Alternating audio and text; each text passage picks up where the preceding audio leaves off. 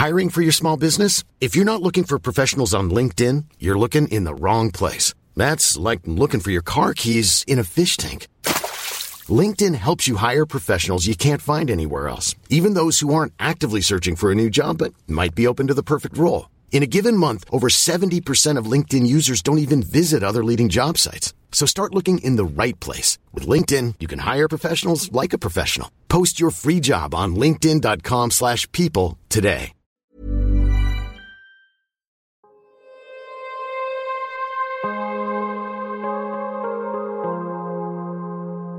Vores mentale sundhed er nedadgående, og det er til trods for, at vi aldrig har været rigere, aldrig har haft flere muligheder og aldrig har levet længere.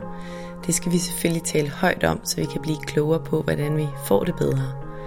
Podcasten her handler om, hvordan vi kan lykkes med at være gladest og friest muligt i det ene, ofte ret travle liv, vi har.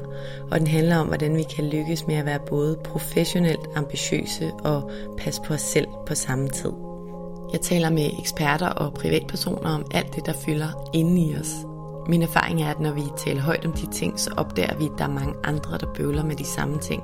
Og jeg tror virkelig på, at vi kan lære af og inspirere hinanden ved at dele vores sårbarheder, erfaring og viden. Så velkommen til Vores Mentale Sundhed, en Mindcare Collective podcast. Jeg håber meget, at du vil lytte med, og at du følger med på min Mindcare Collective profil på Instagram, hvor jeg hver dag deler indhold til refleksion, motivation og inspiration. Jeg hedder Lea Helmand. I dag har jeg coach og forfatter Mikkel Braginski i studiet. Vi skal tale om mænd og om mænds følelsesliv. Vi skal tale om, hvorfor det er svært for rigtig mange mænd at tale om følelser. Har de egentlig ikke de her følelser i samme grad som kvinder, eller har de bare ikke lært at tale højt om dem? Og hvad kan mænd gøre for at blive bedre til at tale om følelser? Og hvad kan kvinder gøre for at støtte mændene i den her proces? Det gør Mikkel os klogere på i afsnittet i dag. Inden vi starter vil jeg som altid også lige nævne, at du helt gratis og nemt kan støtte, at der bliver ved med at komme nye afsnit af vores mentale sundhed. Det gør du selvfølgelig først og fremmest ved at dele, at du lytter med derude.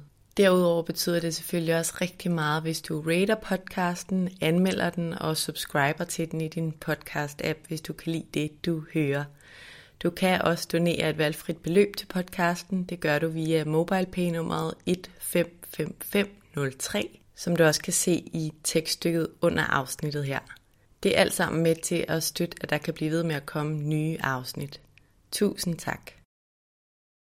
Velkommen til Mikkel Braginski. Tak. Hvordan har du det i dag, Mikkel? Jeg har det godt, fordi solen skinner. så bliver livet bedre. Nej, jeg har det godt. Jeg har lige øh, udsendt mit første nyhedsbrev. Sådan. Og det kan jeg godt fortælle dig, det har taget lang tid. Ja. Så jeg er meget glad i dag. Så er det en kæmpe win. Godt ja. at høre. Ja. Det glæder mig til at læse, Mikkel. Det skal du. Ja, det skal jeg. Mm. Jeg glæder mig til, at øh, du skulle være her i dag, Mikkel, fordi vi skal tale om noget, der er vigtigt.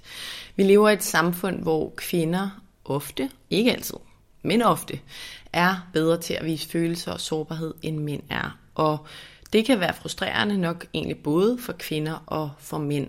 Og jeg tænker også, at mænd måske går glip af en mulighed for at blive måske mere frie og mere glade i livet, når de holder på deres følelser og deres sårbarhed. Det skal vi alt sammen tale om i dag. Vi skal tale om mænd og mænds følelser og mænds sårbarhed, men vi skal også tale om kvinders rolle i forhold til manden og hans evne til at vise følelser, fordi den rolle er jo ikke helt ubetydelig. Nej. Nej, er du klar for den snak? Fuldstændig. Lad os gøre det. Dejligt. Mm. Vi springer ud i det lige om et øjeblik, men jeg vil som altid gerne lige starte med at give en kort introduktion til dig. Du hedder, som nævnt, Mikkel Braginski, og du er 46 år. Ja. Og, ja, og du er far. Og du har en fortid i kommunikationsbranchen, men arbejder i dag hovedsageligt som coach og foredragsholder. Og så står du bag podcasten Henkøn, og du har skrevet en bog med samme navn. Ja. Ja. Kan du ikke starte med at fortælle mig og lytterne, hvorfor du har lavet det her, i hvert fald delvise brancheskift, som du har gjort. Jeg ved godt, der stadig er kommunikation i det, men hvorfor arbejder du i dag som coach, og hvorfor har du valgt at zoome ind på det her med mænd og følelser og sårbarhed?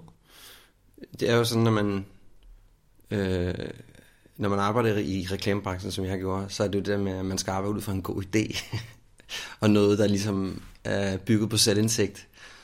Øh, og, og mit er bygget på, at jeg øh, for, for mange år siden efterhånden, øh, der blev jeg skilt fra min kone, og øh, det afsted kom en ret stor livskrise for mig, fordi det jeg ligesom troede, jeg vidste om det at være mig, og det jeg øh, stod for, og den identitet, jeg havde skabt igennem de første 40 år af mit liv, den var sådan ret, øh, den var lidt løs i kanterne, lad mig sige det sådan. Der var noget i den, som ikke rigtig holdt vand. Mm. Øh, og da jeg begyndte sådan at kigge ned i det, øh, for jeg besluttede mig for at kigge ned i det, for jeg kunne mærke, at der var simpelthen, der var nogle genudsendelser, som var uinteressante, som ligesom blev ved med at ske i mit liv. Hvad mener du med det? Prøv Jamen det var især fordi, da jeg blev, altså da jeg blev skilt, så måtte det, det, måtte jo ligesom, det, må, det gik jo op for mig, at der var jo noget på den måde, som jeg var til på i en relation, som ikke fungerede.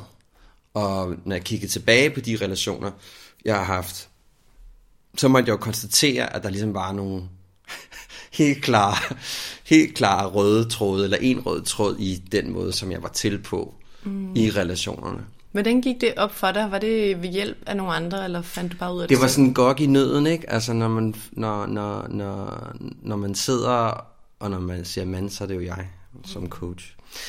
Når jeg sidder og får at vide af en kvinde, at hun ikke har lyst til at være gift med mig mere, og jeg er ikke rigtig klar over, hvorfor, så er det et problem.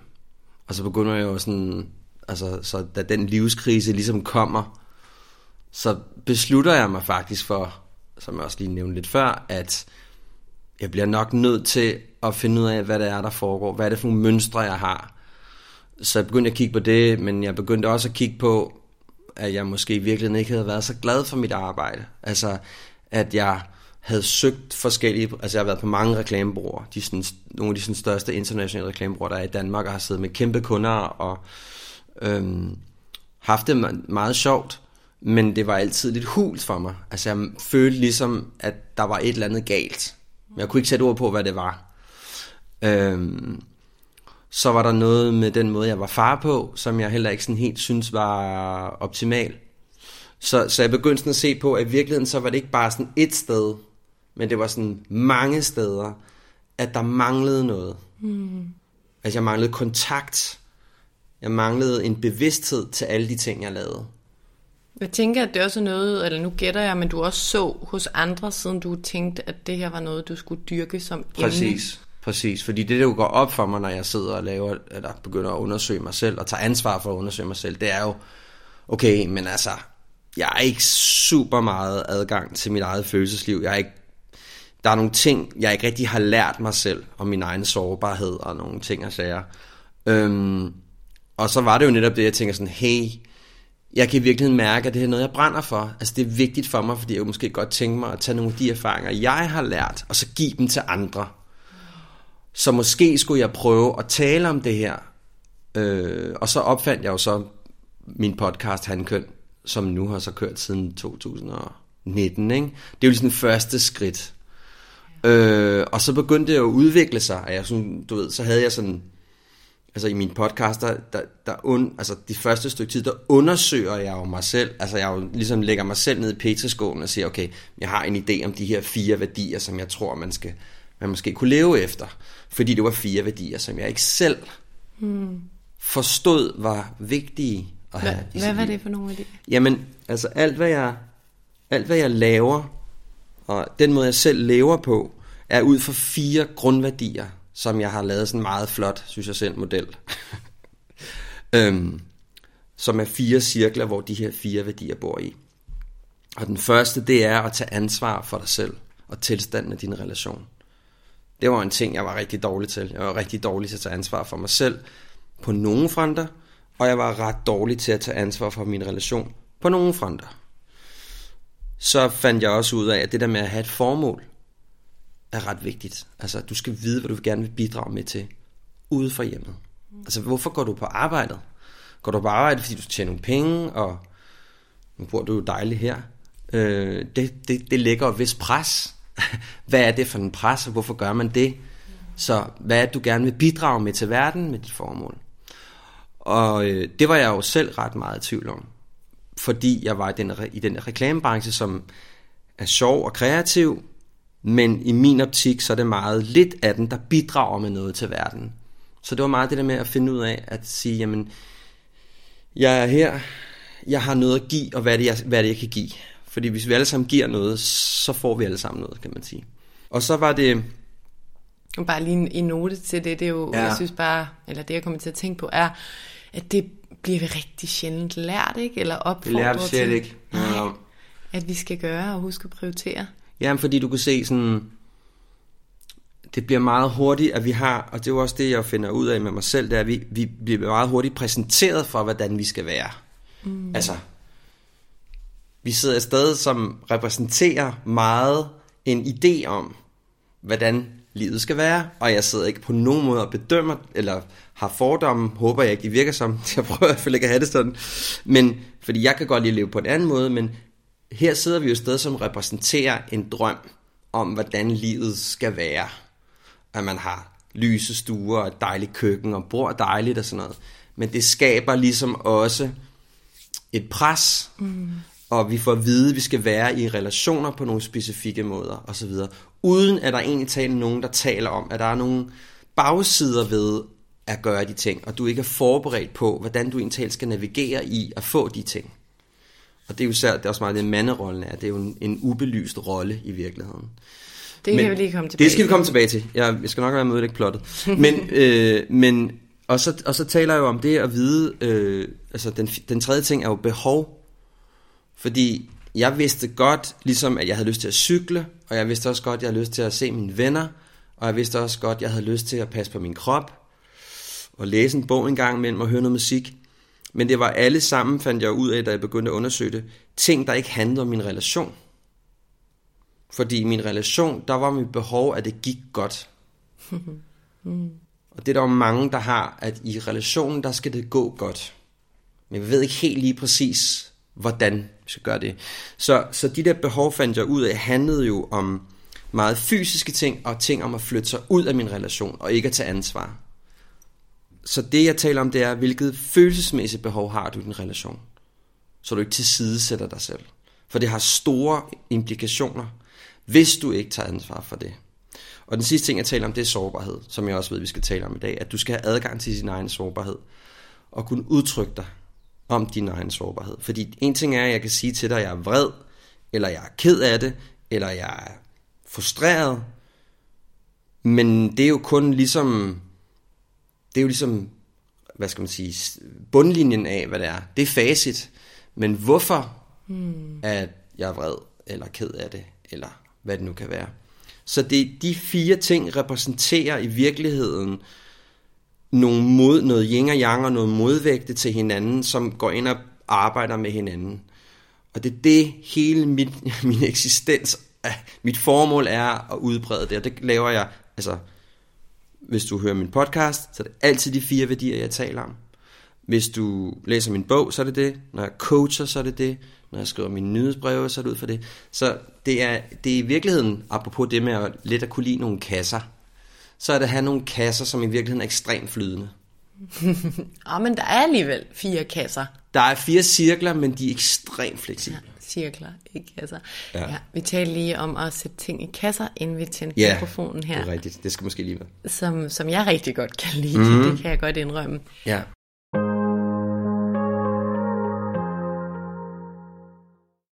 Mikkel, når du fortæller det her, så synes jeg jo også som kvinde, at det giver rigtig god mening. Men, men nu, øh, nu taler vi jo om mænd i dag især. Ja. Og jeg tænker egentlig, Øh, lad os lige starte med at udfordre præmissen for det her afsnit. Det er mm. jo en super idé, at jeg udfordrer mit eget, min eget Det skal du her. gøre. Ja, men, men hvorfor er det egentlig, at mænd skal tale mere om deres følelser? Altså kunne man ikke sige, at det er fint, at de holder dem for sig selv?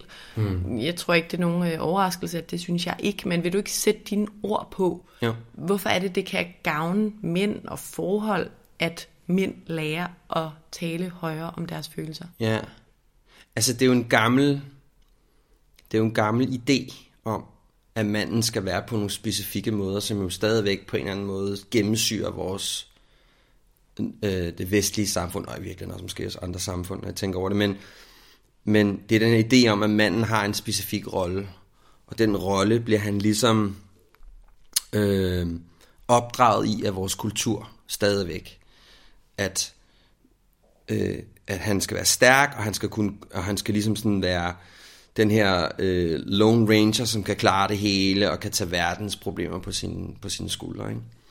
det er skide fedt, hvis du øh, skal i krig, eller du skal ud og hive nogle sukkerroer op af marken, eller du skal hente noget, øh, hente en hjort med en buerpil.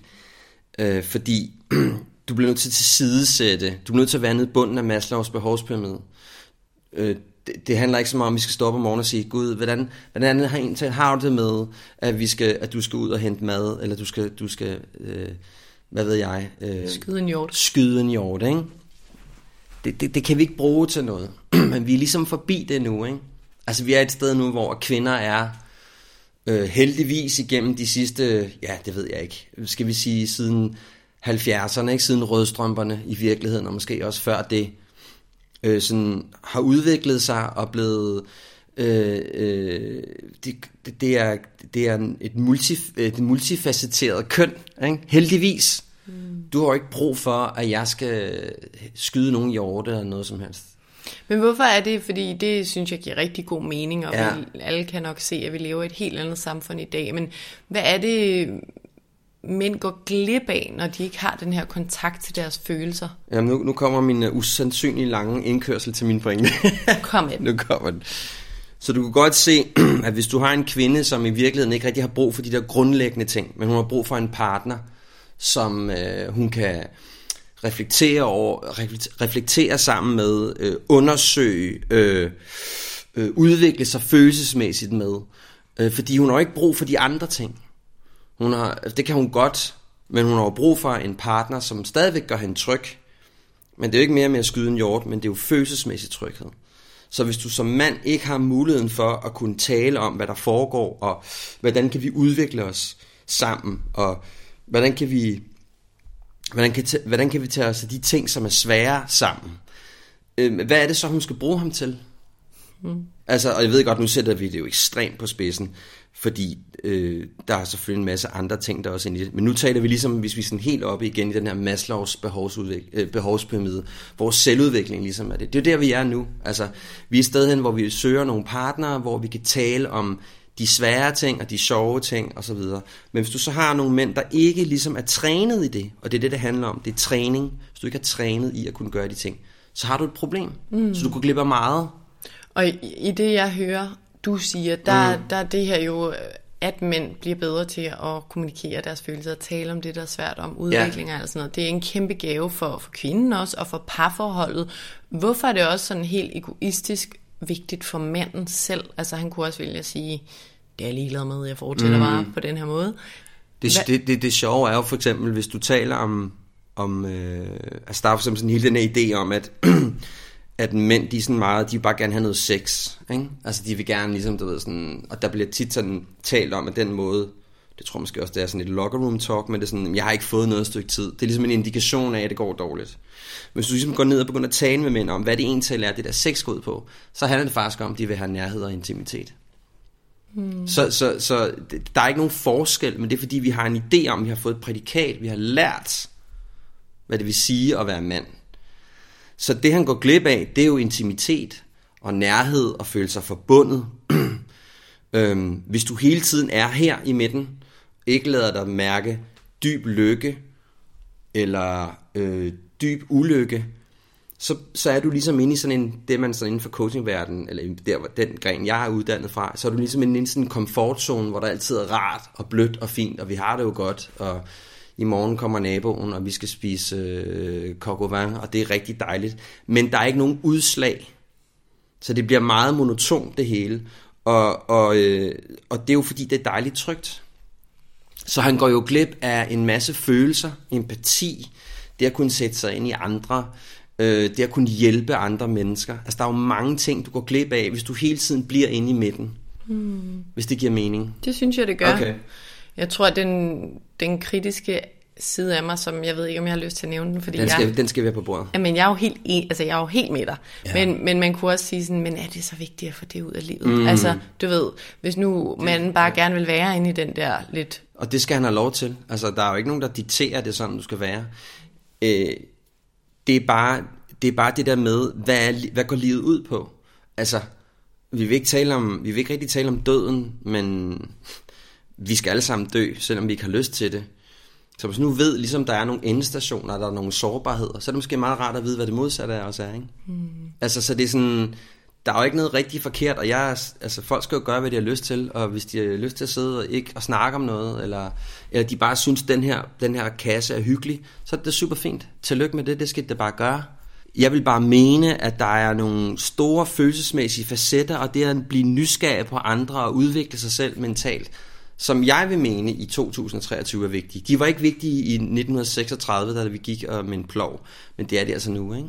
Ja, og jeg tror, mange genkender det der med, hvad følelser kan give en. Det er jo så vildt. Altså, både tårer, der har med noget trist at gøre, men også tårer, der har med noget lykkeligt at gøre, og mm. den følelse, man kan få, når man er sammen med andre, altså det er jo, synes mm. jeg, så smukt Mm. og meningsfuldt, og, og nogle gange, så jeg kender en del mænd, jeg føler sådan lidt, øh, måske i den der midterkasse, hvor jeg har lyst til at sige, har du ikke lyst til at komme helt derop? Mm. Måske har du ikke lyst til at komme helt derned, men det er også nødvendigt nogle gange, men øh, Men det, er jo- men det er jo lige præcis det, at du rammer du jo lidt hovedet på sømmet. Ikke? Det er jo fordi, man har ikke lyst til at mærke smerte.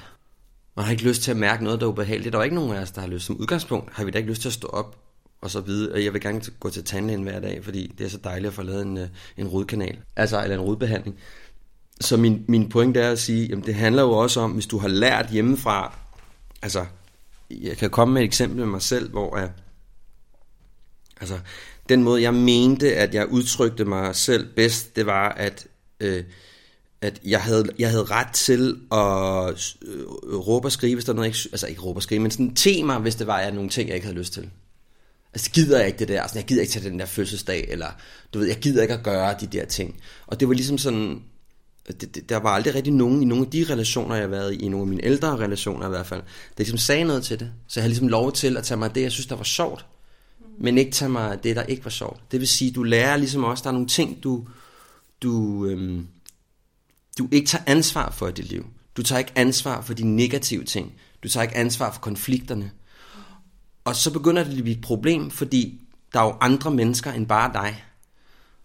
Og lidt tilbage til, til det om, om ansvaret. Jamen, hvis du så vil være sammen med et andet menneske, og det andet menneske har, har brug for at justere jeres relation, men det er du ikke rigtig interesseret i at være med til. Mm. Fordi det kan godt blive ubehageligt at få at vide, at øh, din partner har brug for, at du er mere omsorgsfuld, eller du også anerkender dem for at være et seksuelt væsen, eller de også tager del i, at der er to børn, og det er ikke bare, at du kan komme hjem og sætte dig, og sådan ting og sager. Hvis du ikke er villig til at gå ind i det, som er en del af det, og kende sine følelser, og være, have empati for andre mennesker, så får du et problem. Mm. Så bliver det svært for dig at være i en moderne relation med en moderne kvinde. Det er min, det er derfor der, hvor jeg kommer fra. Kan du ikke fortælle lidt om, Mikkel, er de her fire cirkler, du fortalte om? Ja. Jeg synes især den der egentlig med, jeg ved ikke, hvad du kaldte det, hvilke forventninger har vi til relationen? Behov. Ja. Følelsesmæssigt behov. Ja, kan du mm. ikke fortælle lidt om det, fordi du siger, at man kan nemt sige, at det skal bare være nemt. Men jeg tror, at rigtig mange kender, også med venskaber, at, og med folk, der man virkelig holder af, at det mm. kan gøre ondt. Altså, der, mm. de gør noget, man ikke er enig i, øh, og så mm. kan man måske vælge at sige, fuck det, så gider jeg heller ikke, at, du ved, det gider jeg ikke tale med vedkommende om, eller mm. så gider jeg ikke se vedkommende. Men hvordan kan vi arbejde med det her? Altså, hvad, hvad er det for nogle... Ja, altså, altså, følelsesmæ- altså jeg definerer følelsesmæssigt behov ved, at hvis du og jeg var i en relation sammen, så, så, så kommer jeg jo med en pose behov, som jeg har lært, øh, at når jeg får de her ting opfyldt, så føler jeg mig set og hørt som menneske. Så det kunne for eksempel være, at jeg havde brug for, at øh, vi havde nogle specifikke samtaler. Jeg havde måske brug for, at vi, at, at vi ikke råbte af hinanden, at der var respekt for, at vi havde uperfektheder, at der var nogle, hvis der ligesom var problemer, så talte vi om dem direkte og så videre. Og det er jo erfaringer, jeg har gjort mig, fordi jeg er bevidst om, de er der. Men hvis du ikke er klar over, at du har de her behov, hvis du ikke er klar over, at der ligger noget i dig, som du faktisk har brug for, så, du, så, du, så, dit, så dit selv har en værd, ikke? så bliver det et problem. Og det der er jo rigtig mange, også mange af de gæster, jeg har med i, i Handkøn, hvor jeg siger sådan, jamen, hvad for nogle følelsesmæssige behov har du egentlig talt? Har du reflekteret over, hvad du har? Og så hun siger sådan, nej, det har jeg sådan aldrig rigtig tænkt over. Og det er jo ikke fordi, der er noget galt med dem, det er bare, det er ikke noget, vi, vi tager os af. Og det, øh, og det tror jeg måske især er hos mændene, Så det vil sige, hvis du ikke ved, hvad for nogle behov du har, så begynder du at overtage din partners behov. Så det kan være, at du har et behov for, at I råber om, eller der skal være mulighed for, at der kan være en, en konflikt, hvor der, bliver, hvor der er temperament i luften. Men hvad nu, hvis der sidder en mand, som slet ikke kan det, fordi hans temperament ikke er til det, men så går han ligesom med på den der ting. Så begynder jeg, det er jo det, jeg taler meget om, sådan at blive sin egen butik, så begynder jeg at gå over i din butik. Så begynder jeg at overtage dine behov, det du har brug for, den måde du er til på. Og det der så sker, det er, at jeg begynder at stille og roligt at glemme, hvem jeg er. Så begynder jeg lige pludselig at tage ansvar for mig selv, og tilstanden af min relation. Så du kan godt se, det hele er en stor, ubehagelig, flydende, organisk ting. Men så, så og det der jo så tit sker med, med mange mænd, eller det, det er forkert, lad mig sige det på en anden måde, øh, det kan øh, udmønte sig i for eksempel utroskab. Fordi man lidt sådan mister Fordi jeg, sig selv, jeg, har og... ikke, jeg er ikke bevidst om, at jeg har at jeg at, at behov er noget, jeg skal tage mig af. Og desuden har jeg lært hjemmefra, at jeg skal ikke komme med mine følelser og fortælle dig om, at jeg har skulle brug for nogle gange, at du klapper mig i rumpetten og siger, at kæft, hvor ser du sød ud i dag, eller hvor er du dygtig, at du har bygget det der legehus, eller, eller hvad det nu kan være.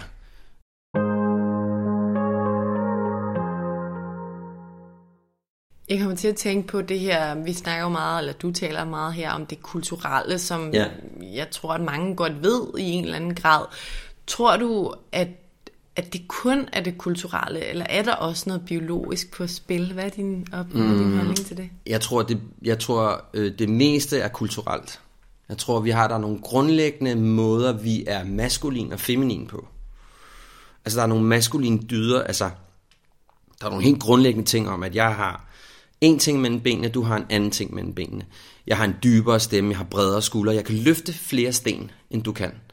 Øhm, der er nogle måder, som jeg øh, er wired op i mit hoved, som gør, at jeg ser tingene meget, øh, altså sådan mange, mange øh, unge drenge, og også mig, vi er sådan meget nysgerrige på, hvordan ting virker, og altså, jeg har mange kammerater, som godt kan sidde og kigge på, hvordan man reparerer et ur, eller biler, eller sådan noget, fordi vi har en interesse i, hvordan tingene virker. Det tror, det, det tror jeg ligger sådan biologisk til os. Altså, øhm, noget pragmatisk, noget handlende, noget dut. Øh, det tiltrækker jo det feminine. I min optik. Så der er, noget, der er en anden måde, du går til tingene, det er måske mere indadrettet og øhm, mere, mere sårbart. Blandt andet tror jeg også, fordi når man skal have børn, så bliver man nødt til at have ret høj empati. Fordi du har noget, der ikke kan noget som helst. Det er en klump med arme og ben, øh, som skal sidde på dit bryst det meste det første år. Og så skal man skifte meget, og de kan ingenting selv. Det kræver ligesom, at der er en vis mængde empati og sårbarhed og noget oxytocin, der skal i gang der. Ikke? Så jeg tror simpelthen, der er nogle grundlæggende ting i det. Og de to ting tiltrækkes af hinanden. Altså, det maskuline og det feminine tiltrækkes af hinanden. Inde imellem de to ting, der er der et følelsesliv. Og det er her, hvor jeg tror, at det kulturelle kommer i spil. Altså, at øh, vi lærer stadig vores børn, til dels drengebørn, at man skal være på nogle specifikke måder.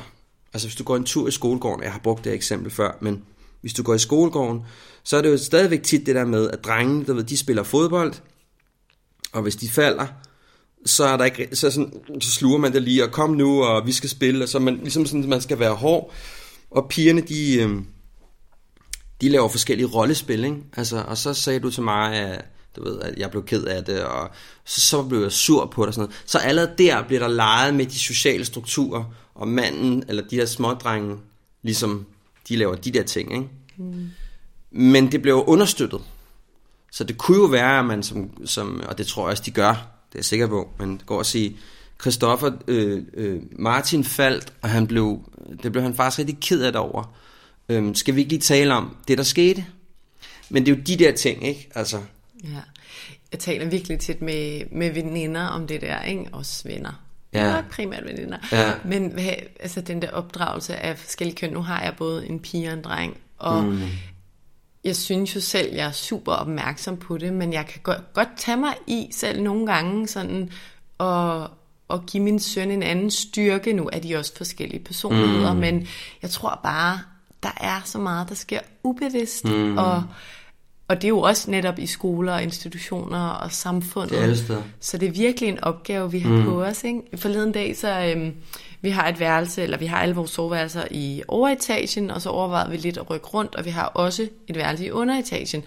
Og så øh, tog jeg mig selv i med det samme at tænke, altså, at min datter, som er to år ældre end min søn, hun kunne ikke rykke ned, fordi det ville hun ikke kunne lide. Mm. Men det kunne da godt være egentlig, at vores søn var klar til det. Mm. Hvor jeg var sådan, ej, hvad, altså han har da brug for det ja. samme tryghed, og den samme, ja. altså at være tæt på mor og far. altså, vores samfund har igennem de sidste mange, mange, altså jeg har lyst til at sige tusinder år, der har det blevet farvet ind på, en, hvordan en mand og en kvinde skulle være. Det er jo klart, det tager os meget lang tid at få det ud igen, og vi har heldigvis nogle nye generationer, så- hvor det hele er lidt mere flydende. Og det synes jeg jo personligt er super dejligt, men jeg er enormt svært ved at forstå det, fordi jeg kommer fra en, en generation, hvor at en mand var en mand, og en bøste var noget, man skød med. Ikke? Altså, når man, altså, stadig, trods alt, ikke? nu sætter jeg lidt på spidsen. Men det er bare for at sige, at jeg, jeg synes stadigvæk, at man skal, altså når man har børn, og man har et barn, der gerne vil kravle i træer, om det er en dreng eller en pige, jamen så understøtter man jo bare det. Man skal jo bare tale om den følelsesmæssige aspekt af det, de også gør. Ja. Hvis de er ked af det, hvad gjorde det ved dig? Øh, alle de ting, man nu kan tale om, ikke? Jeg tror i hvert fald, det er vigtigt at anerkende, at det er en stor opgave, og det ikke nødvendigvis er let. Altså nu skal vi heller ikke gøre det sværere end som så, men mm. bare de der ting som at, ja, min datter kan godt lide lyserød, og jeg gør det meget klart for hende, at der ikke er noget, der hedder drengefarve og pigefarve, men alligevel så er hun jo mm. vild med lyserød. Og du ved, jeg skal jo også give hende lov til at, mm. altså jeg skal jo ikke give hende blå og grøn på, mm. bare af princip. Så altså, den der balance, Jo, jo, men hvis du, altså, nu ved jeg ikke, hvad, den, hvad den, det er med, dit, med din datter, men min datter ser iPad en gang imellem, ikke? Det indrømmer jeg da gerne. Og så ser hun jo serier, og hun ser faste lavnstøj, og hun ser øh, alle mulige stereotyper om, at øh, i Fætter BR synes, du skal være en prinsesse, og drengene, de skal være cowboys. Altså, du ved, det er sådan, og jeg, altså, øh, og så kan der være der noget helt naturligt i, at drengene har mere lyst til at lave noget mere, noget med noget mudder og kaster og sådan noget, og, kvind, og, og, og, og piger har lyst til, at det er lidt mere sårbart og lidt mere øh, forsigtigt. Øh, øh, ja, så er det bare sådan, det er, men det er bare for at sige, at, at altså, der er, der er en, en, en, en pige, der hedder Sille, Sille Nørgaard, som har skrevet en bog, der hedder, jeg tror den hedder, jeg glemmer altid øh, titlen, men jeg tror den hedder Han, Hun, Hen. ja, den har jeg faktisk lyttet til. Ja. Rigtig interessant, fordi den fortæl, den, der får du bare ligesom en idé om, hvor vildt det er. Ja. Altså, hvordan alting er farvet af stereotyper, ikke? Den er rigtig god, ja, og let at høre. Ja. Jeg kommer lige til at tænke på et andet eksempel. Det var øhm, til Halloween, der øh, jeg kom til at tænke på det dagen inden, at sådan, gud, det er Halloween i morgen, og der står på Aula, at de gerne må tage et eller andet på. Og jeg spurgte min datter, hvad hun gerne vil være, og hun ser meget Ninjago. Hun vil gerne være Lord Garmadon. Så han er sådan en ond mand. Så hun fik øh, noget sort skitøj, undertøj på, og vi malede hende sort i hovedet og lavede sådan en hårbold der med det der horn, han har. Mm. Og så øh, sendte jeg hende afsted i børnehave, og hun var så glad. Og så kom hun jo hjem 10 minutter efter med sin far, fordi at det første, hun havde set dernede, det var bare syv piger, der stod og var feer og prinsesser. Mm. Og pædagogen havde desværre ikke lige noget at gribe det. Hun har også i talsat bagefter. Hun fortæller virkelig tit, at Lord Gamadon bare er sej og alt det der. Ja, altså ja. pædagogen. Ja. Men det var bare så hjerteskærende, fordi det er jo virkelig den konflikt, der er, og som børn mm. og voksne, mm. men bliver mødt med, mm. ikke? Mm. at måske har man det derinde, men der er bare så meget kulturelt, vi er op imod. Quality sleep is essential. That's why the Sleep Number Smart Bed is designed for your ever evolving sleep needs. Need a bed that's firmer or softer on either side? Helps you sleep at a comfortable temperature? Sleep Number Smart Beds let you individualize your comfort so you sleep better together. JD Power ranks Sleep Number number 1 in customer satisfaction with mattresses purchased in-store. And now, save 50% on the Sleep Number limited edition Smart Bed for a limited time. For JD Power 2023 award information, visit jdpower.com/awards. Only at a Sleep Number store or sleepnumber.com. I'm Sandra, and I'm just the professional your small business was looking for. But you didn't hire me because you didn't use LinkedIn Jobs. LinkedIn has professionals you can't find anywhere else, including those who aren't actively looking for a new job but might be open to the perfect role, like me. In a given month, over 70% of LinkedIn users don't visit other leading job sites. So if you're not looking on LinkedIn, you'll miss out on great candidates like Sandra. Start hiring professionals like a professional. Post your free job on linkedin.com/people today.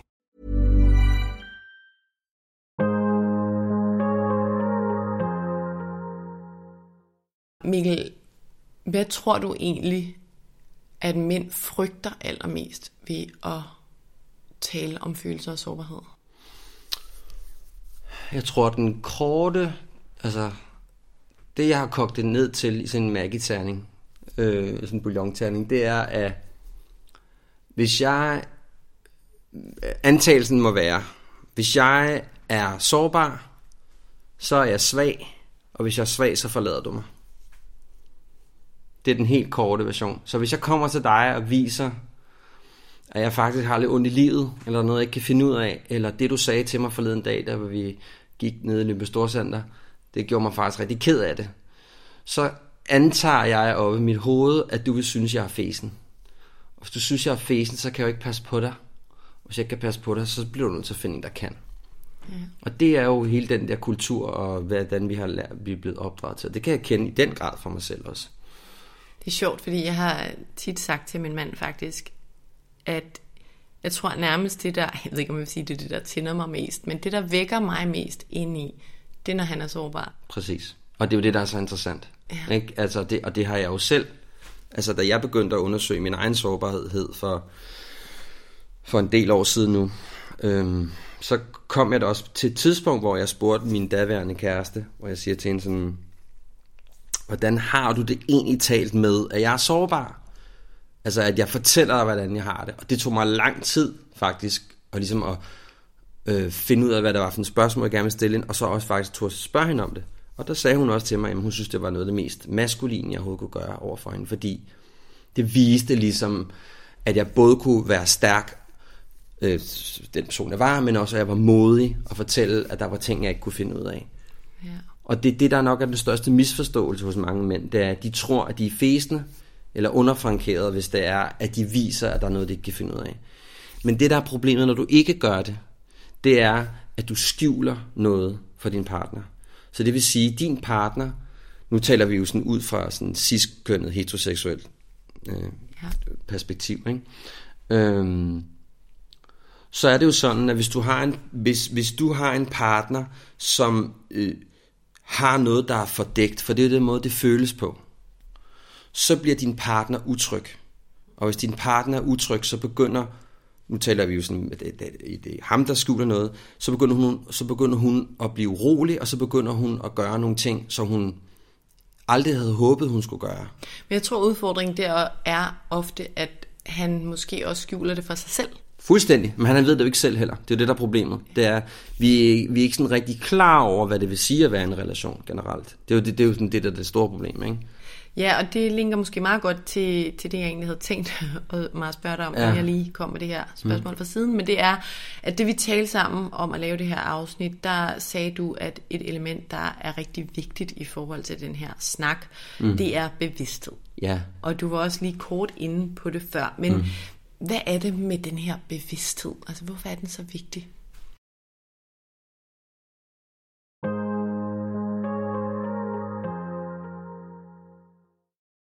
Uden bevidsthed er der jo ikke noget. Altså, hvis du ikke er bevidst om, og det er derfor, jeg netop taler om de her fire værdier, det er, hvis du ikke er bevidst om, hvad der er inde i dig, og hvad, hvad du gør, øh, hvad, du, hvad effekt du har på din omverden, så er det et problem, ikke? Altså, så alt er bevidsthed. Det handler jo hele tiden om at prøve at være så bevidst om, altså jeg taler meget om, jeg har sådan en, jeg, jeg, har, jeg, jeg har sådan et, et, et, øh, et, et, hjælpe, et værktøj, jeg bruger, som jeg også bruger, i min, jeg bruger rigtig meget til mine, til mine klienter, det er at ligesom introducere dem for en kanariefugl. Altså, at du skal, du skal, du skal ligesom have en indre kanariefugl. Og det er jo sådan et, det er jo sådan et, øh, et symbol på, at i gamle dage, der brugte man kanariefugle i kundvinerne. Så hvis der ligesom var metangas, eller kul, kultvilte, eller hvad det nu kan være, det, så drætter de om, de der fugle med det samme. Og så skal man skynde sig ud, fordi ellers så kan man højst dø. Ikke? Så at du ligesom har sådan en følelsesmæssig kanariefugl, du hele tiden sådan, du sender ind og mærker, hvad der foregår lige nu. Altså, hvem er jeg i den her situation? Hvad er det, jeg føler? Hvad er det, der sker i mig? Så ligesom have sådan en, en, en, en opmærksomhed, altså man kan ikke have en konstant opmærksomhed, men du kan, du kan have en opmærksomhed på, når der er svingninger i dig selv. Så hvis du ikke har den her bevidsthed om, for eksempel, at nu kan jeg mærke, at du og jeg øh, er på vej ind i en diskussion, eller der er noget, der er ubehageligt. Hvis jeg ikke er bevidst om, at det er der, jeg er på vej hen, så går jeg væk fra det. Og det er jo det, vi alle sammen gør, det er, hvis vi ikke er bevidste, så øh, tager øh, autopiloten over. Så flygter vi fra tingene. Det er jo derfor, der sidder rigtig mange øh, par ude i Danmark, vil jeg mene, som bund og grund ikke rigtig er lykkelige, eller de ved ikke rigtig, hvad de skal gøre noget ved det, fordi der, altså, vi holder os væk fra alt det, der er ubehageligt, fordi vi har lige købt nye hønder, og du ved, ikke? La Santa Sport og naboen middagen, som vi talte om tidligere. Ikke? Så det er for at sige, at hvis du ikke er bevidst om, hvad fanden foregår der i mig, hvad, hvilken, hvilken effekt har jeg på mine om, omgivelser, øh, hvad er det, jeg skal tage mig af, hvad er det, jeg skal tage ansvar for, så bliver det virkelig svært. Jeg, jeg lagde mærke til faktisk, da jeg var... Øhm, jeg tog sådan et øh, 8 ugers mindfulness-kursus, MBSR, for et års tid siden, og jeg synes nu, at jeg har arbejdet min bevidsthed ret meget, og er relativt bevidst. Jeg har også masser af arbejde, jeg stadig kan lave, men i, den her, øh, i det her kursus, der skulle jeg jo hver dag træne min bevidsthed. Det er jo det, meditation er, og jeg fik praktiske lektier om at meditere. Mm. Og jeg lagde faktisk mærke til, at i den periode, der var jeg virkelig meget bedre til at gribe konflikter, inden de eskalerede. Mm. Fordi selvom, nu siger jeg, at jeg synes, jeg selv er ret bevidst, så kan vi, min mand og jeg, jo også diskutere og også have konflikter. Men det der med... I kraft af I mennesker. Ja, mm.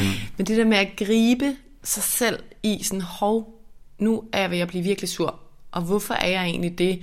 Og jeg skal til at hæve stemmen, men er det egentlig nødvendigt, og er det den mest hensigtsmæssige måde at gøre mm. det på? Det var første gang, jeg tror, jeg sådan blev bevidst om min bevidsthed. Mm. Men det er sjovt, ikke? Fordi det er super interessant, du siger det, fordi det er jo også lige... Altså, jeg har lige siddet og skrevet om det her mit øh, fantastiske nyhedsbrev, som jeg er simpelthen så evigt stolt over. Og virkelig klapper mig selv på skulderen over, at jeg fik gjort. Men, men, men, men det vi jo tit glemmer, det er, og det er det, jeg, det, jeg skriver mig meget optaget af for øjeblikket, det er jo, at vi har alle sammen inkompetencer i vores relationer. Men vi vil ikke altid indrømme, at vi har inkompetencer i vores relationer. Og hvis du ikke er bevidst om, at vi har en inkompetence i vores relation, så bliver det et problem. Og når jeg siger en inkompetence, så er det jo for eksempel at sige, lad os nu sige, at vi havde en, en, øh, en ongoing konflikt i vores relation. Det kunne for eksempel handle om, at der var en måde, du gerne ville have, at jeg skulle se dig på, som jeg ikke rigtig formåede, fordi jeg ikke var bevidst om det, jeg vidste ikke, jeg skulle gøre med det osv. Men hvis vi ligesom bliver ved med at have den konflikt, og, og, og gå ind i det skænderi, og blive uvenner, og skal bruge dage på at komme og møde hinanden igen, så er det jo fordi, at vi sammen ikke formår at løse det her problem. Det er ikke dig, der har et problem. Det er os, der har et problem. Fordi du og jeg har besluttet os, at vi er en relation. Og kontrakten er, og det er det, vi glemmer lidt efter, du ved, at uh, honeymoon phase er over, ikke? Det er, at den kontrakt stipulerer, for at bruge et flot øh, kons- konsulentudtryk, øh, at vi gør det her sammen. Mm. Så hvis du er ked af noget, hvis du ikke kan nå op øh, til øverste hylde, så løfter jeg dig op. Men det gælder det jo også på følelserne. Så for eksempel, hvis du nu var meget jaloux anlagt, det er jo et kæmpe problem i en relation at du synes, at hver gang jeg går ud, så er du hunderad for, at jeg er sammen med en anden. Jeg kan ikke tage på skiferie, jeg kan ikke, jeg kan ikke blive til fredagsbar, fordi jeg ved, at du står derhjemme som en løve og er, og ved at gå til. Så en måde at, at tage sig af det, det er jo, at du for eksempel siger til mig, Øh, nå, men skal du også derned igen, og hvad går det ud på, og er det også vigtigt med fredagsbar, og øh, jeg, altså man prøver alle mulige ting og sager. Og så vil jeg jo øh, per definition sige til dig, ubevidst sige til dig, øh, jamen lad nu være, jeg gør ikke noget. Men det ændrer jo ikke, at du sidder med den følelse, som man kunne jo for eksempel så sige, i, det bevidste, i den bevidste relation, så sige, jeg ved simpelthen ikke, hvordan jeg, jeg, jeg ved simpelthen ikke, hvordan at jeg skal løse det her for os. Og det gør mig simpelthen så ked af det. Fordi jeg, jeg, jeg, har, jeg har simpelthen ikke kompetencerne til det. Hvordan skal vi gøre det her sammen? Så det ikke er dit problem, men det er vores problem. Mm. Og det er så, altså det er så essentielt for, at man kan eksistere i en, i en, i en relation, som skal have mulighed for at vokse og justere sig hen over årene. Fordi det kan godt være, at det var skide hyggeligt, da I var 32, og I godt kunne lide, at kom, vennerne kom over til en flaske Bollinger, og det var bare rigtig hyggeligt. Men når du er 43, så er der nogle andre ting. Men hvis den ene stadig synes det, og den anden vil noget andet, og der ikke er talt noget om det, så bliver den ene jo ved med at drikke Bollinger, og den anden vil noget andet. Ikke? Ja talte på et tidspunkt med en terapeut også, der, der sagde det her med mellemregninger, som jeg egentlig synes, at det du meget fint beskriver også, mm. det der med, vi kan nemlig rigtig hurtigt fare op og sådan sige det, vi umiddelbart tænker. Mm. Altså, jeg kommer ikke til at lave noget, eller du ved, slap nu af, jeg skal bare Præcis. fredagsbar. Men hvis man faktisk, som du eksemplificerede, altså fortæller de der mellemregninger, og jeg bliver faktisk rigtig frustreret, fordi mm. jeg forstår ikke, hvordan jeg kan møde dig, hvad kan jeg gøre for, at Præcis. du ikke ja. står nervøs derhjemme, ikke? Ja. Vi skal altså være opmærksomme på de her inkompetencer. Mm, meget. Og så er den her bevidsthed rigtig vigtig. Jeg tænker sådan helt lavpraktisk, igen lad os lige fokusere på ja, mændene. selvfølgelig. Hvad kan de egentlig gøre, hvis nu der sidder nogle mænd eller nogle kærester til mænd, der tænker, at det her vil jeg godt lige prøve at fortælle til min mand, eller mm. nogle kvinder, der gerne vil arbejde med bevidsthed. Mm. Hvad er så din anbefaling til, at man sådan helt lavpraktisk arbejder med det? Altså hvis man gerne vil blive bevidst om, hvordan man egentlig selv er ja. og handler og er i relationer.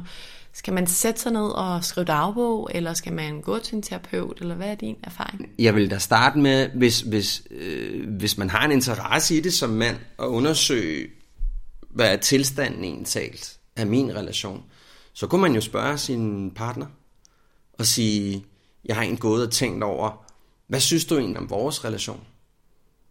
Altså, Tore at spørge det spørgsmål i sig selv kan jo være meget skræmmende. Ikke? Så det er jo noget med at forstå, at den eneste måde, at du har en mulighed for at ændre noget i dit liv, det er ved samtalen. Der er ikke, der er ikke andre muligheder. Du kan ikke øh, danse en farve, eller øh, øh, hvad ved jeg, morse til, til nogen, eller via kinetisk energi overføre tanker. Der er kun én måde, du kan gøre det på, det er ved at have en samtale. Og så kan man jo begynde at have samtaler med sin kone, man kan have samtaler med sine venner. Man behøver ikke at starte med at sige, jeg tror, jeg har et barnetrauma. Min far så mig ikke nok. Men man kan måske sige, hvordan har du det egentlig talt? Altså, hvad, hvad, jeg er egentlig nysgerrig på, hvad gjorde du egentlig med det der, med, med dit arbejde? Eller, altså, at du sådan begynder at være villig til at stille nogle spørgsmål, der er ud over, du ved, var det fedt på Rodos, eller hvad det nu kan være. Ikke? Så det handler jo meget om det. Øh, øh, så det jeg jo arbejder meget med, det er jo også øh, at sige, hvad er det jeg kan, altså hvis jeg nu sender den der piphand ind, som vi talte om før, hvad mærker jeg så egentlig? Altså hvad er det egentlig derinde? Men skal man sætte sig ned der og tænke, nu skal jeg lige arbejde med den der kanariefugl? Ja, altså jeg, jeg, det er noget af det allerførste, jeg gør med mine klienter. Ved, altså det kommer an på også, hvor du er henne, fordi jeg arbejder jo både med nogen, som er, hvad skal man sige, sådan langt i deres processer, og så har jeg nogen, hvor at de måske har svært ved at simpelthen have en samtale med deres kone. Altså de ved simpelthen ikke, hvordan de skal tale med hende om noget andet end det, der lige sådan er sket på arbejdet. Og så starter jeg med at sige, jeg vil godt have, at du går hjem, og så vil jeg gerne have, at du sætter dig ned, og så siger du bare, hvad er der? Altså, træk vejret, og du skal ikke gøre det, mens du sidder og kører bil, og spiser chips, og hører, øh, hører voice, eller hvad der nu foregår i bilen. Jeg ved ikke, fordi det er mange pop-referencer i dag, men lad det far. øhm, men, men ligesom at sige, hvad er det, der er her? Altså, hvad, hvad, hvad kan jeg mærke? Og nogle gange kan du ikke mærke noget, og nogle gange kan du mærke et eller andet. Så bare start med at registrere, der er noget. Altså, der er et eller andet derinde. Og så kan man jo måske gå over til sin kone og så sige, øhm, øh, jeg tror, jeg mærker et eller andet her.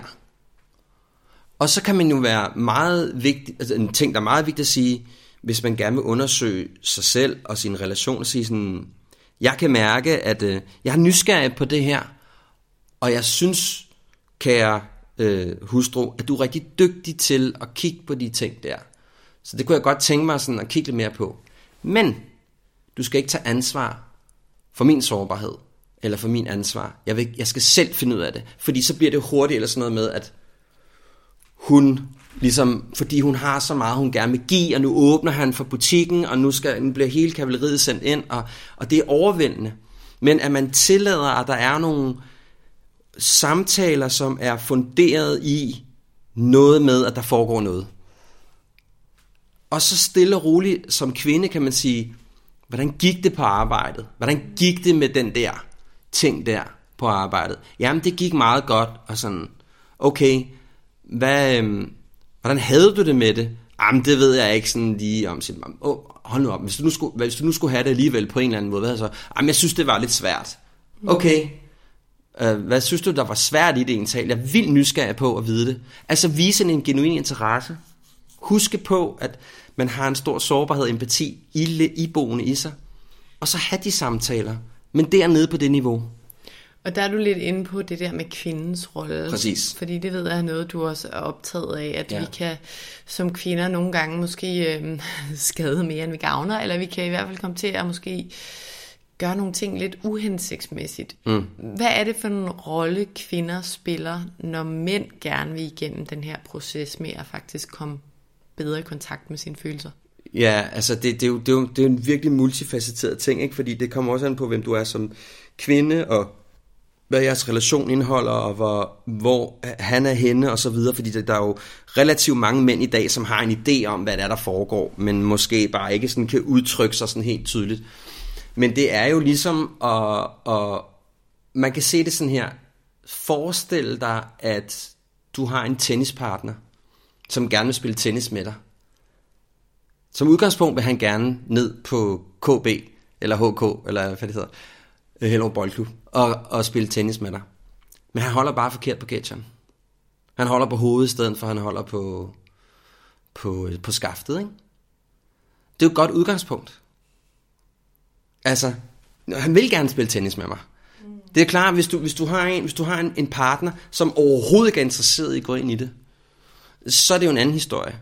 Så må man jo tale om, hvad konsekvenserne kan være ved, at vi ikke har mulighed for at tale sammen, og hvad det gør ved mig, at vi ikke kan have nogen som helst samtaler om andet end den forpulede tagbagagebær, eller hvad det nu kan være. Men hvis du har en, der siger sådan, jamen jeg kan godt mærke, der er måske et eller andet her, jeg godt kunne tænke mig at kigge på, så har jeg respekt for, at det er en person, som du elsker og holder af, og lige så vel, altså, og ikke skal se ned på, altså det er jo ikke et barn, vi taler om, fordi det er jo en voksen menneske, men sige, okay, den her person vil gerne lære at spille tennis. Du står ikke og råber i hovedet på en eller anden, og siger, du holder forkert på catcheren, eller du må ikke smashe der, eller gå tilbage til baglinjen. Så siger du bare sådan, det er fint, vi prøver igen, vi prøver igen. Og det man hurtigt finder ud af, og det er det, der, er ret genialt med mange mænd, synes jeg, det er, at vi er rigtig gode til at handle, når vi får nogle succesoplevelser. Det virkede det her. Vi kunne have en samtale, ikke? Vi kunne have en samtale om det her, uden der skete noget. Sige, og anerkende, at det, der foregår, er vigtigt. Sige, ved du hvad, Peter, jeg er, så, bliver simpelthen så glad for, at du og jeg, vi kan have de her samtaler. Det gør mig, jeg synes bare, at du er så dejlig og fantastisk, at du har lyst til at gøre det her, og du har mod på at vise mig det her. Altså, en, altså øh, encourage. Ja, så, så et eller andet sted starte lidt småt, og måske være en lille smule tilbageholdende, ikke for pushy, og rose. Ja, for det handler ikke om dig. Det handler om ham. Ikke? Fordi det bliver meget med, øh, at det, bliver, det kan godt blive meget overfusende, og sådan, du ved. Fordi øh, vi leger, at du sidder med en masse viden. Du har, du har jo akkumuleret det her viden, siden du var en lille, en lille pige.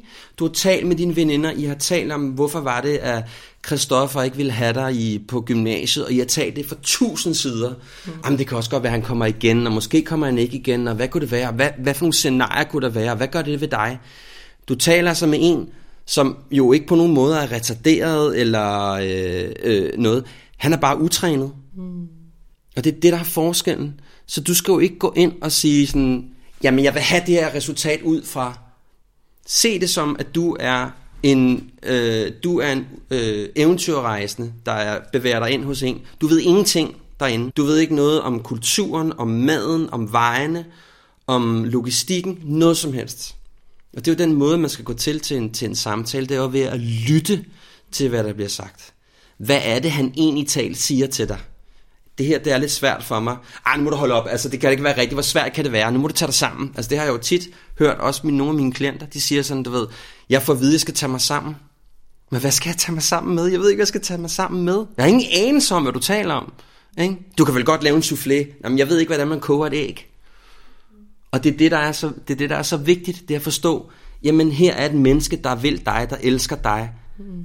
Giv det menneske plads til at blive bedre, og det går hurtigt. Jo mere du bare støtter op, desto hurtigere går det.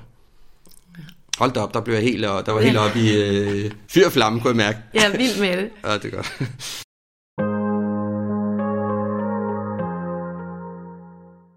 Hvad nu, hvis man er sammen med en mand, der er sådan, vi talte før om bevidsthed, og mm. har, den her mand, han har slet ikke den her bevidsthed, det mm-hmm. føler man. Og han er måske en mand, der lever sådan lidt old school i forhold til det her med bare at være stærk og mm. ikke vise nogen følelser og sådan noget. Hvad gør man, hvis man gerne vil sætte lidt ild til den der mm. bevidsthed som kvinde? Mm. Er der noget, man kan sådan starte med at gøre? Jamen der tror jeg, jeg vil sådan der tror jeg, jeg ville, ville starte med at stille sådan nogle spørgsmål, hvor det krævede, at han på en eller anden måde måtte udtrykke en eller anden form for, øh, altså netop det med, hvordan gik det på arbejdet, eller øh, øh, jeg er egentlig lidt nysgerrig om, hvad du tænker om det. Men tror du så ikke, at sådan en mand vil tænke, åh, oh, det magter også lige sådan ham? Men så, så må man jo stille ham spørgsmål om, øh, på ens egen måde, om man egentlig taler interesseret i at deltage i projektet eller ej. Altså i relationsprojekter? Ja. Altså man siger, jeg sidder egentlig her lidt med følelsen af, at, at, at jeg har en interesse i en ting, og du har en interesse i noget andet. Hvad går det egentlig ud på? Altså, øhm, jeg føler mig lidt, jeg føler mig sgu lidt alene i det her. Øhm, kunne du være interesseret i, at vi kunne tale om noget andet end det der? Jeg er bare nysgerrig på det. Øh, øh, skub lidt til, for det er også svært i forhold til, hvem det er. For nogen er det jo sådan, altså tit så handler det jo bare om, at man aldrig nogensinde er blevet præsenteret for det før. Så jeg tror, inden jeg vil gøre det, så vil jeg begynde at stille nogle lidt nysgerrige spørgsmål, og vise en genuin interesse i det, i den person. At han kan få lov til at fortælle om, at det var lidt svært at køre den cykelrute, fordi det var hårdt. Nå, men hvorfor var det hårdt?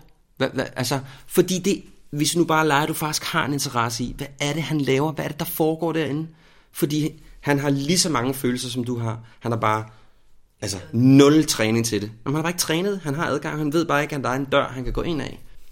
Så det er jo sådan undersøge de små ting.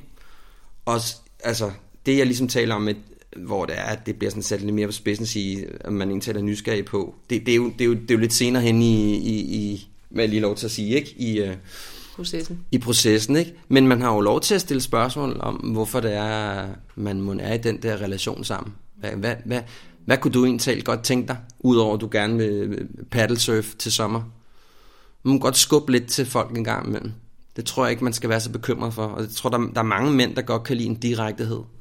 Ja, jeg kommer til at tænke på noget, jeg talte med en veninde om forleden dag. Hun er også meget interesseret i alle de her emner, og psykoterapi i øvrigt og sådan noget. Og mm. vi har begge to læst bøger og også talt med terapeuter, der har i talesat det her med, at det er rigtig godt for eksempel at have de der, nu bliver det meget sat i bås, men sådan nogle kvartalssamtaler, hvor man taler godt. om, ja, hvad er man glad for i forholdet, mm. hvad kunne man ønske sig mere, og så videre. Mm.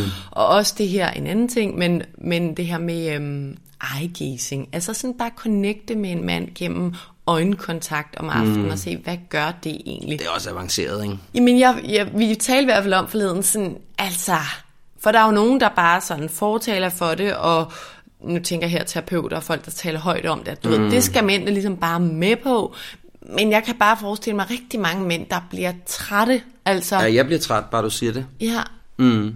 Så det er også virkelig at forstå det der med, at vores udgangspunkter er så forskellige. Altså, ja, men, og, det er det, og det er derfor, jeg siger, at det, det det hele handler om, eller meget af det, det handler om for kvinden, og det handler det også for manden, det er, lyt til hvad der bliver sagt. Hvad er det egentlig talt, han, hun siger? Hvad er det egentlig talt, der ligger i det der?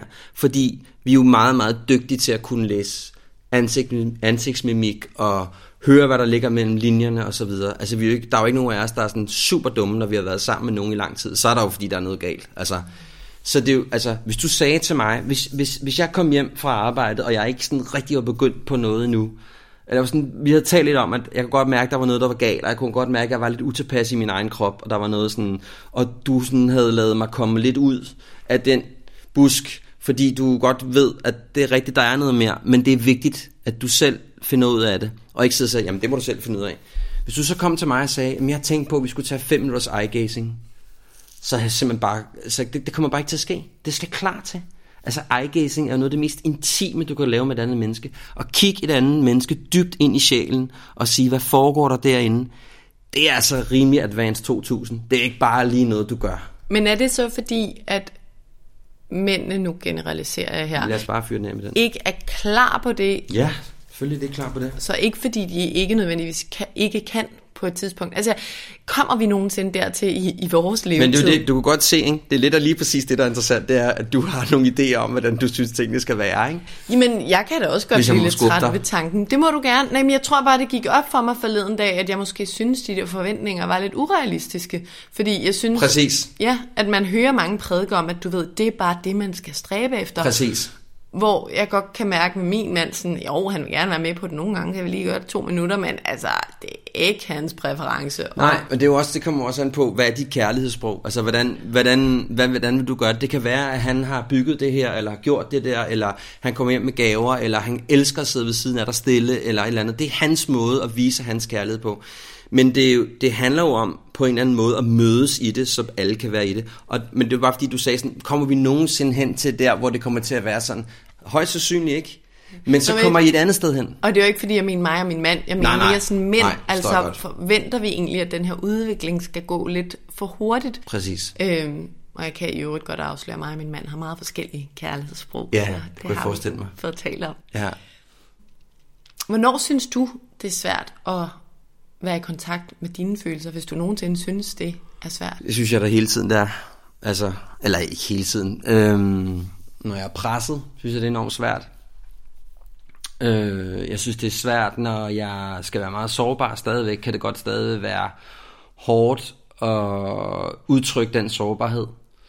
Øh, jeg er ikke så bange for at bede om hjælp, og jeg er ikke så bange for, hvis jeg er i tvivl, eller fortælle, at jeg har øh, sådan, øh, at jeg har det på en specifik måde, men, men, men det er jo især i, i intime relationer, både til, til kæreste og til, hvad hedder det, øh, til venner, at det der med at sige, jeg kan mærke, der foregår noget her, som jeg har svært ved at finde ud af, om det handler om, det er noget, jeg har kørende, eller om det er noget, der i virkeligheden eksisterer. Men så har jeg jo måder, jeg kan tale ind i det på. Altså, jeg, jeg gør det, men nogle gange så gør jeg det, mens at jeg niver mig selv i en låret, fordi det kan være ubehageligt stadigvæk. Altså, det, det, der er jo altså, at bruge sin sårbarhed er jo ikke nødvendigvis særlig sjovt. Altså, det er jo hårdt at, at, at udtrykke noget, fordi på mange måder, så er det sådan lidt kontraintuitivt. Og sådan, du ved, at sige, jeg er vildt svag, eller jeg kan ikke finde ud af de her ting, fordi der er meget i os, der siger, det skal vi ikke gøre. Ja, der er i hvert fald, øh, man kan føle, der er meget på spil, ikke? Fordi når man Jo. først har sagt det, så er det sagt. Ja, præcis. Det, det, det er nok der for mig. Jeg tror måske også nogle gange, jeg godt kan have svært ved at tage ansvar for nogle situationer, fordi jeg ved, det kommer til at... Altså, du ved, hvis jeg kan mærke, der er et eller andet, jeg skal, jeg skal tage mig af, der er en samtale, jeg skal tage, eller... Det behøver ikke være sårbart, men sådan, hvor jeg kan mærke, at det... det altså, der prokrastinerer jeg jo nok, ligesom alle mulige andre mennesker stadigvæk, ikke? Mm. Men det er meget sjældent, at jeg ikke tager dem. Det er måske også en utopi at tænke, at man kommer til et sted, hvor man rent faktisk nyder en ubehagelig samtale. Det ved jeg ikke, det er lidt paradoxalt at sige det på den mm. måde. For det kan da godt være, at nogen synes, at det er en Jeg konflikt. nyder, jeg nyder en konfliktfyldt samtale. Det gør du. Mm. Jamen, det kender jeg faktisk også mange, der mm. gør egentlig. Eller i hvert fald en gruppe mennesker, der gør. Men det er fordi, det er ud fra nogle meget specifikke regler. Altså, når, når, når, jeg, når jeg er i samtaler om konflikt, i en konfliktfyldt samtale, så kan jeg jo ikke altid styre, hvad den anden siger og gør. Men jeg har besluttet mig for en del år siden, at når jeg får noget, når jeg får noget negativt at vide om mig selv, som jo er konfliktfyldt af H til, øhm, så tager jeg det faktisk ind. Der er et sekund, hvor jeg bliver indineret og vred, og så siger jeg, hov, der er noget her, jeg skal høre. Om det er heller ikke, om man er i stand til at lytte til det, men bare om man oprigtigt synes, det er sådan. Jamen, jeg, jeg, jamen det, jeg, jeg mener det oprigtigt talt, at, at jeg, øh, øh, jeg, jeg, jeg, jeg har lært, synes jeg, at sætte pris på den konfliktfyldte samtale. Det er jo klart, hvis det er sådan noget, det handler om, du er en idiot, eller altså hvis det er sådan ude i et sted, hvor at det ikke handler om os, eller mig og min kammerat, eller hvad det nu kan være, øhm, øh, så er det en anden præmis. Så bliver, beder jeg ligesom om, at jeg synes, vi skal, jeg vil gerne tale om det, men jeg kan mærke, at vi ligesom går lidt igennem isen nu. Det, det gør ikke rigtig noget for vores hvilken som helst relation der er. Men det at kunne være i en konfliktfyldt samtale, det er essentielt for en relation. Altså hvis du ikke kan være i en konfliktfyldt samtale, eller øve dig i at være i en konfliktfyldt samtale, så får du nogle problemer senere, fordi det er jo der justeringen ligger. Jeg tror bare, det er reelt at sige, at øhm, en ting er at ville være i den og være i den, og en anden ting er at nyde at være i den. Altså jeg tror, det er okay, man er det. Ja, altså nyde er måske også, det er måske også lige, det er måske også lige kægt nok sagt, men, men jeg har ikke et problem med at være en konfliktfyldt samtale. Jeg vil, når folk siger til mig, der er lige noget, jeg har brug for at tale med dig om, så tænker jeg, okay, hvad, hvad, jamen, hvad kommer der nu? Har jeg gjort noget, hvor jeg kan blive bedre, eller handler det om personen, der siger det, eller, og det har jeg da også oplevet nogle gange, hvor der er en, der siger nogle ting, hvor jeg tænker sådan, det føles ikke rigtigt som om, det handler om mig, men jeg tænker, at den person har brug for at sige det, og siger sådan, det kan jeg godt se fra din side. Jeg forstår godt, hvor det, hvor det kommer fra, det der. Mm. Det skal jeg nok være opmærksom på, eller hvad det kan være. Fordi der går ikke noget om mig. Der går ingenting om mig jo. Og det er jo det, fordi når man sidder i den konflikt, så er man bare sådan, nu bliver min personlighed og identitet reddet ned. Ikke? Altså nu er jeg bare murbrok, og jeg skal starte forfra med. Ikke? Men det er bare sjældent, hvis man virkelig sådan lytter efter.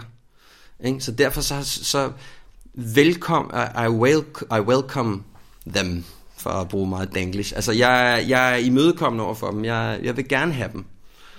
Fordi jeg har oplevet i mit liv, når jeg ikke har haft dem, og hvad det har gjort ved mit liv. Det har udlagt mange af mine relationer. Både til, til, til, til, til kærester øh, og til, til venner. At jeg ikke har været villig til at være i de konfliktfyldte samtaler. Tak for at dele det, Mikkel. det var så lidt. Helt til sidst, hvis du skal nævne eller gentage to ting, to råd, to reminders, som du vil gerne, øh, som du gerne vil give til lytterne, baseret mm. på din viden og erfaringer i forhold til det, vi har talt om i dag. Hvad, hvad vil du så afslutte med? Altså det der med ansvar, tror jeg er det vigtigste, også det jeg selv sådan har været meget optaget. Ikke? Altså det at tage ansvar for hele dig og din relation. Altså sige, ikke kun være villig til at gå ind i det, der er sjovt og morsomt og ikke koster dig noget, men at forstå, at det at tage ansvar i livet handler om at tage sig af de negative ting, at tage sig af de konfliktfyldte ting. Det er 50% at tage ansvar for sit liv. Det tror jeg er den ene ting. Mm. Den anden ting vil nok være at forstå, at konflikten er essentiel for øh, at kunne eksistere i alle relationer. Og forstå, at en konflikt er i virkeligheden et ønske om at justere. Det er ikke et ønske om at destruere. Nej. Meget fin måde lige at slutte på, var? Var det ikke det? Ja, det synes jeg. Nå, det er godt. Og koblet meget godt til dit sidste eksempel også. Ja. Tusind tak, fordi du havde lyst til at være med, Mikkel. Jeg det havde jeg da. Ja, det er jeg glad for. Ja. Det her emne er, er virkelig vigtigt, og jeg er glad for, at du vil dele ud af nogle af dine sårbarheder og din viden og erfaring. Så tak, fordi du kom. Jamen selv sagt, det var hyggeligt.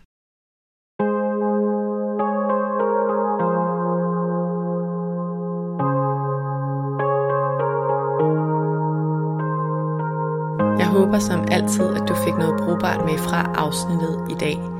Det jeg lige har lyst til at gentage her til slut, det er, at vi som kvinder skal være tålmodige, når vi gerne vil støtte vores mænd i at komme i kontakt med deres følelser. Og vi skal huske at lytte til, hvad manden siger, og ikke bare vil ud med vores egen agenda. Det gælder i øvrigt for begge køn i alle slags samtaler. Jeg vil også gerne lige gentage det her med, at mange kvinder faktisk finder det enormt tiltrækkende, når mænd taler om følelser. Det er selvfølgelig ikke alle, men jeg tror, at det gælder for rigtig mange. Det synes jeg, at vi bør tale meget højere om. Det er især vigtigt, hvis mænd grundlæggende tror, at de vil fremstå svage, når de viser følelser. Det er sjældent tilfældet. Og så skal vi huske, både kvinder og mænd, at arbejde med vores bevidsthed. Vi skal dyrke bevidstheden om, hvordan vi reelt er i de relationer, vi indgår i. Er vi den bedste version af os selv? Hvad er vores uperfektheder? Og er der nogle ting, vi egentlig kunne gøre anderledes og mere hensigtsmæssigt? Og sidst men ikke mindst skal vi ture at tage konfliktfyldte samtaler. Og de samtaler har meget mere potentiale, hvis vi har vores bevidsthed og vores sårbarheder med i dem. I næste uge har jeg Frederik Havn i studiet.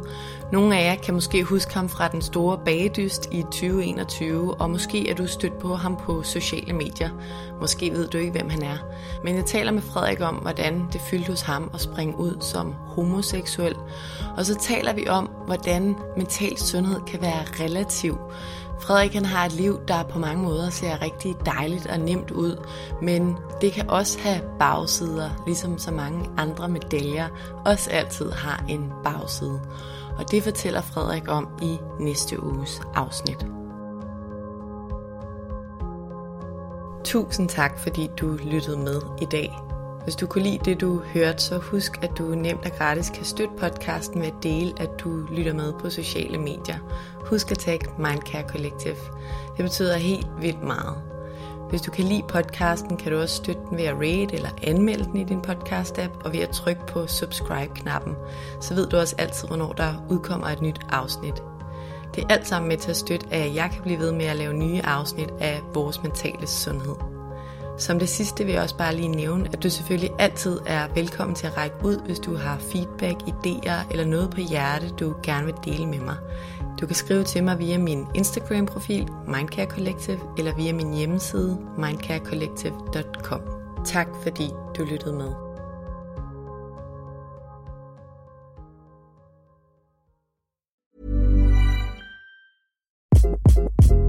Hi, this is Craig Robinson from Ways to Win, and support for this podcast comes from Invesco QQQ. The future isn't scary, not realizing its potential, however, could be. Just like on the recruiting trail, I've seen potential come in many forms as a coach. Learn more at Invesco.com slash QQQ. Let's rethink possibility. Invesco Distributors, Inc.